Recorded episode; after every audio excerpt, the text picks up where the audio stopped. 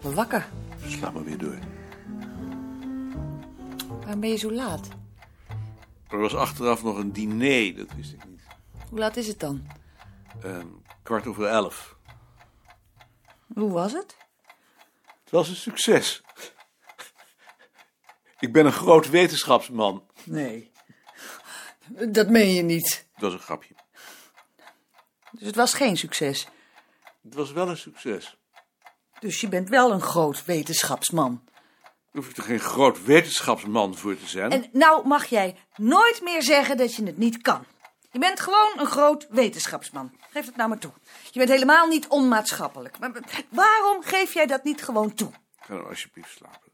Een bek af, ik heb helemaal geen zin in discussie. Geef het dan toe. Geef dan toe dat je een groot wetenschapsman bent. Doe niet zo gek alsjeblieft. Verschrikkelijk om zo'n zo'n man te hebben. Afschuwelijk. Wie had dat ooit gedacht dat ik zo'n man zou hebben? Een groot wetenschapsman. Zo'n man wil ik niet. Hoor je me? Dat hoor je. Nou, waarom zeg je dan niets? Wat moet ik daar nou op zeggen? Dat je wel een groot wetenschapsman bent en dat dat verdomd lullig is. Ach, Ben je dan geen groot wetenschapsman? soms? Tuurlijk ben ik geen groot wetenschapsman. Om een groot wetenschapsman te zijn moet je sociaal zijn. Relaties onderhouden. Overal vriendjes hebben.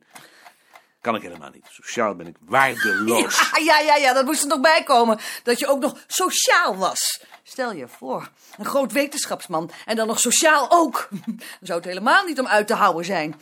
Niet sociaal? Heer, heer, dat is toch alleen maar het bewijs dat je echt een groot wetenschapsman bent. Grote wetenschapsmannen hoeven helemaal niet sociaal te zijn. Die zijn het Hou. ook wel zonder dat ze sociaal zijn. Hou nou in godsnaam op en laat me slapen. Ik ben moe en ik heb hoofdpijn.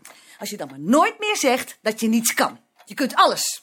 Hoor je me? Ja, ik hoor je. Je hoeft niet zo te schreeuwen. Alles kun je en ik kan niks. Nee, ik kan alles en jij kunt niks. Als je dat dan maar weet. Ik weet het. En dat je ook nooit meer zegt dat je onmaatschappelijk bent, want dat verdraag ik niet. Nee, is goed.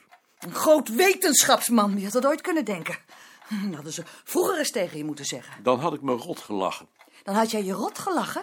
Dan had je ze op hun gezicht geslagen. Dat weet ik niet. Nou, ik weet het wel. En anders was ik niet met je getrouwd. Een groot wetenschapsman.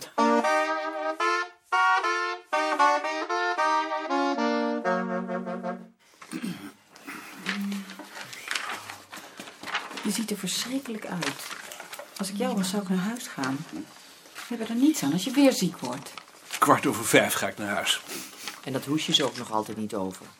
Want dat gaat niet meer over. Zijn we er allemaal? Eve en Joost zijn er nog niet. Is, is er iemand die Eve en Joost even wil waarschuwen? We zijn er al. Dan zijn we er. Op voorstel van Sien zullen deze vergaderingen voortaan worden genotuleerd. Voor Bart is dat aanleiding geweest om ze niet meer bij te wonen. Hij is principieel tegen het maken van notulen, omdat die altijd iemands woorden verkeerd weergeven. Echt, Bart. Zijn er meer mensen die er zo over denken? Ik bedoel, zoals Bart? Niemand? Dan is dat voorstel aangenomen. Is nou bekend of Bart weggaat? Nee, daar is nog niets over bekend. Het wordt wel allemaal steeds professioneler. Het wordt steeds professioneler en niet tot mijn vreugde. Is er een vrijwilliger voor de notulen of moet ik iemand aanwijzen? Oh, dat wil ik wel doen. Graag. Heb je papier? Ik heb het er al op gerekend. Prachtig. Ik heb vier onderwerpen. De nieuwe vragenlijst en het artikel in het mededelingenblad. Het bezoek van Wim Bosman en zijn nieuwe baas. En de vragen die wij bij die gelegenheid moeten stellen. Een voorstel van mij om Frits, Rie en Lien hun artikelen in de komende redactieraad te laten toelichten. En een voorstel, ook van mij, om twee nieuwe artikelenreeksen in het bulletin te beginnen. Iemand die daar nog iets aan wil toevoegen?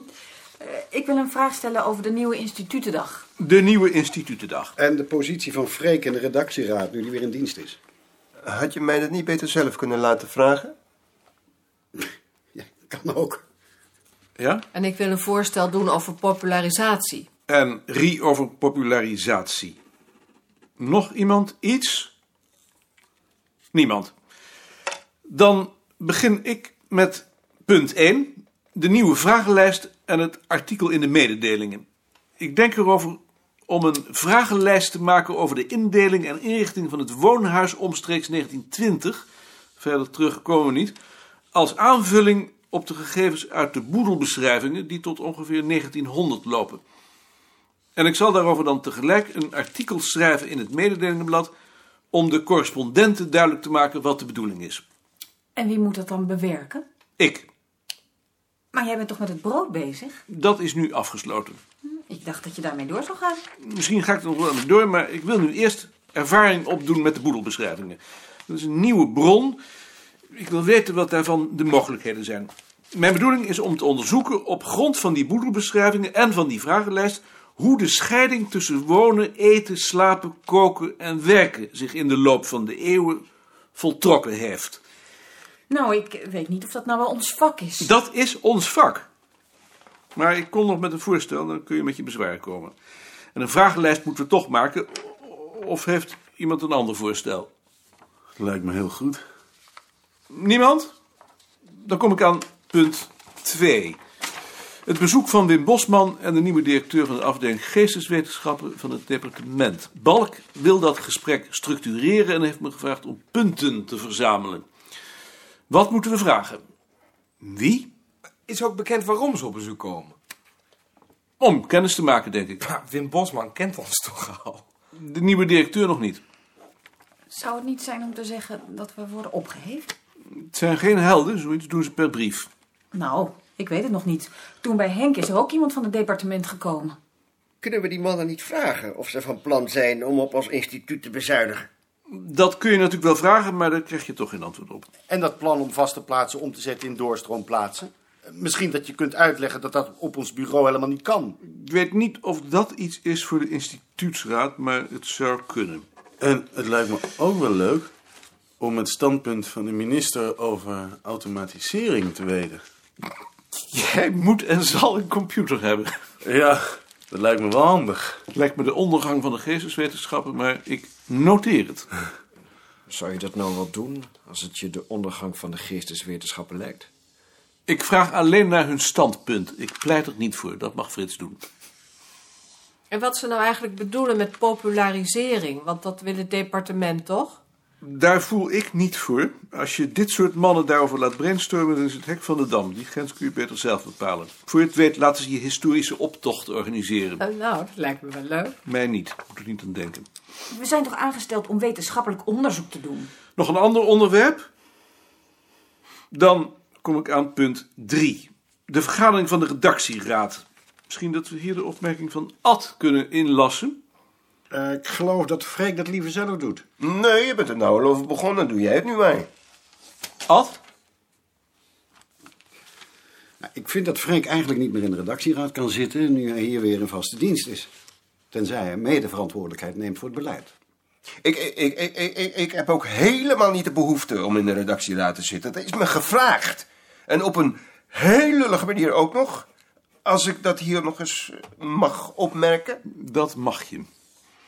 Ik heb daar zelf ook aan gedacht, maar het probleem is dat niemand van het muziekarchief dan nog bij de vergaderingen zit. Nu Jaring geen redacteur meer is. Kan de redactie niet uitgebreid worden? Wie wou je daar dan inzetten? Freek en Ad? Niet als ik mede verantwoordelijk word voor het beleid. Als je in de redactie zit, hoeft dat niet. Dat is een kwestie van taakverdeling. Dan zou Mark er ook in moeten. Mag ik?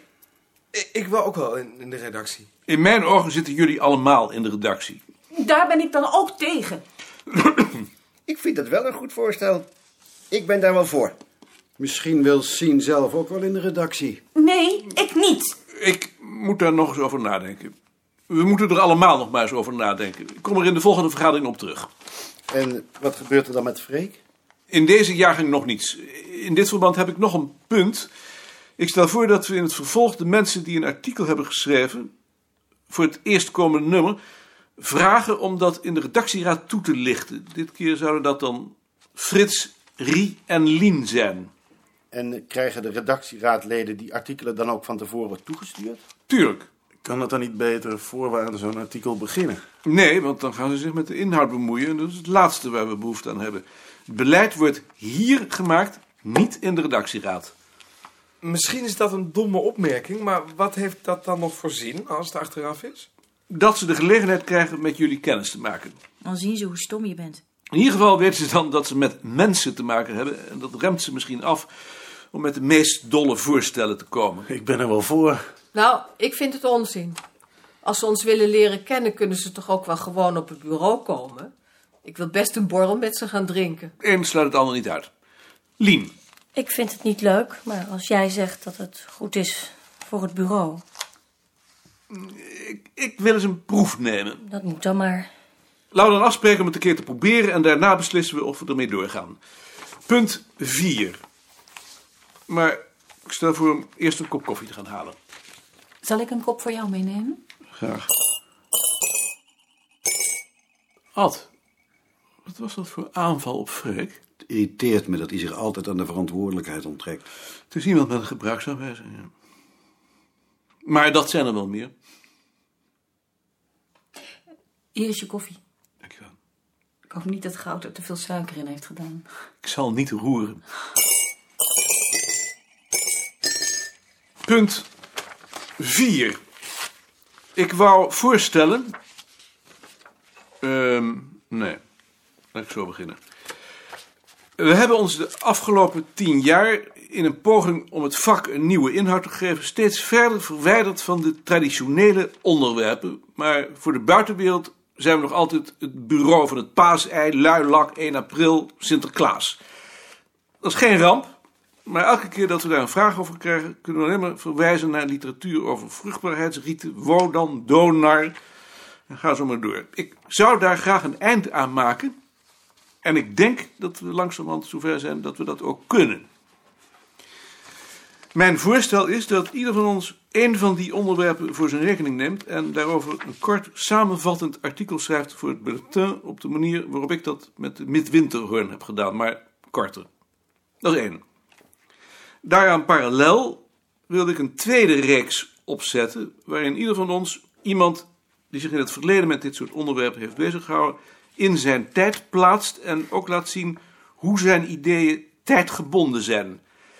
Elk nummer zou van beide reeksen een artikel moeten bevatten en na een aantal jaren zouden ze gebundeld kunnen worden tot twee, twee handboeken. Hoe denken jullie daarover? Het lijkt me heel leuk. Ja, ik vind het ook een goed idee.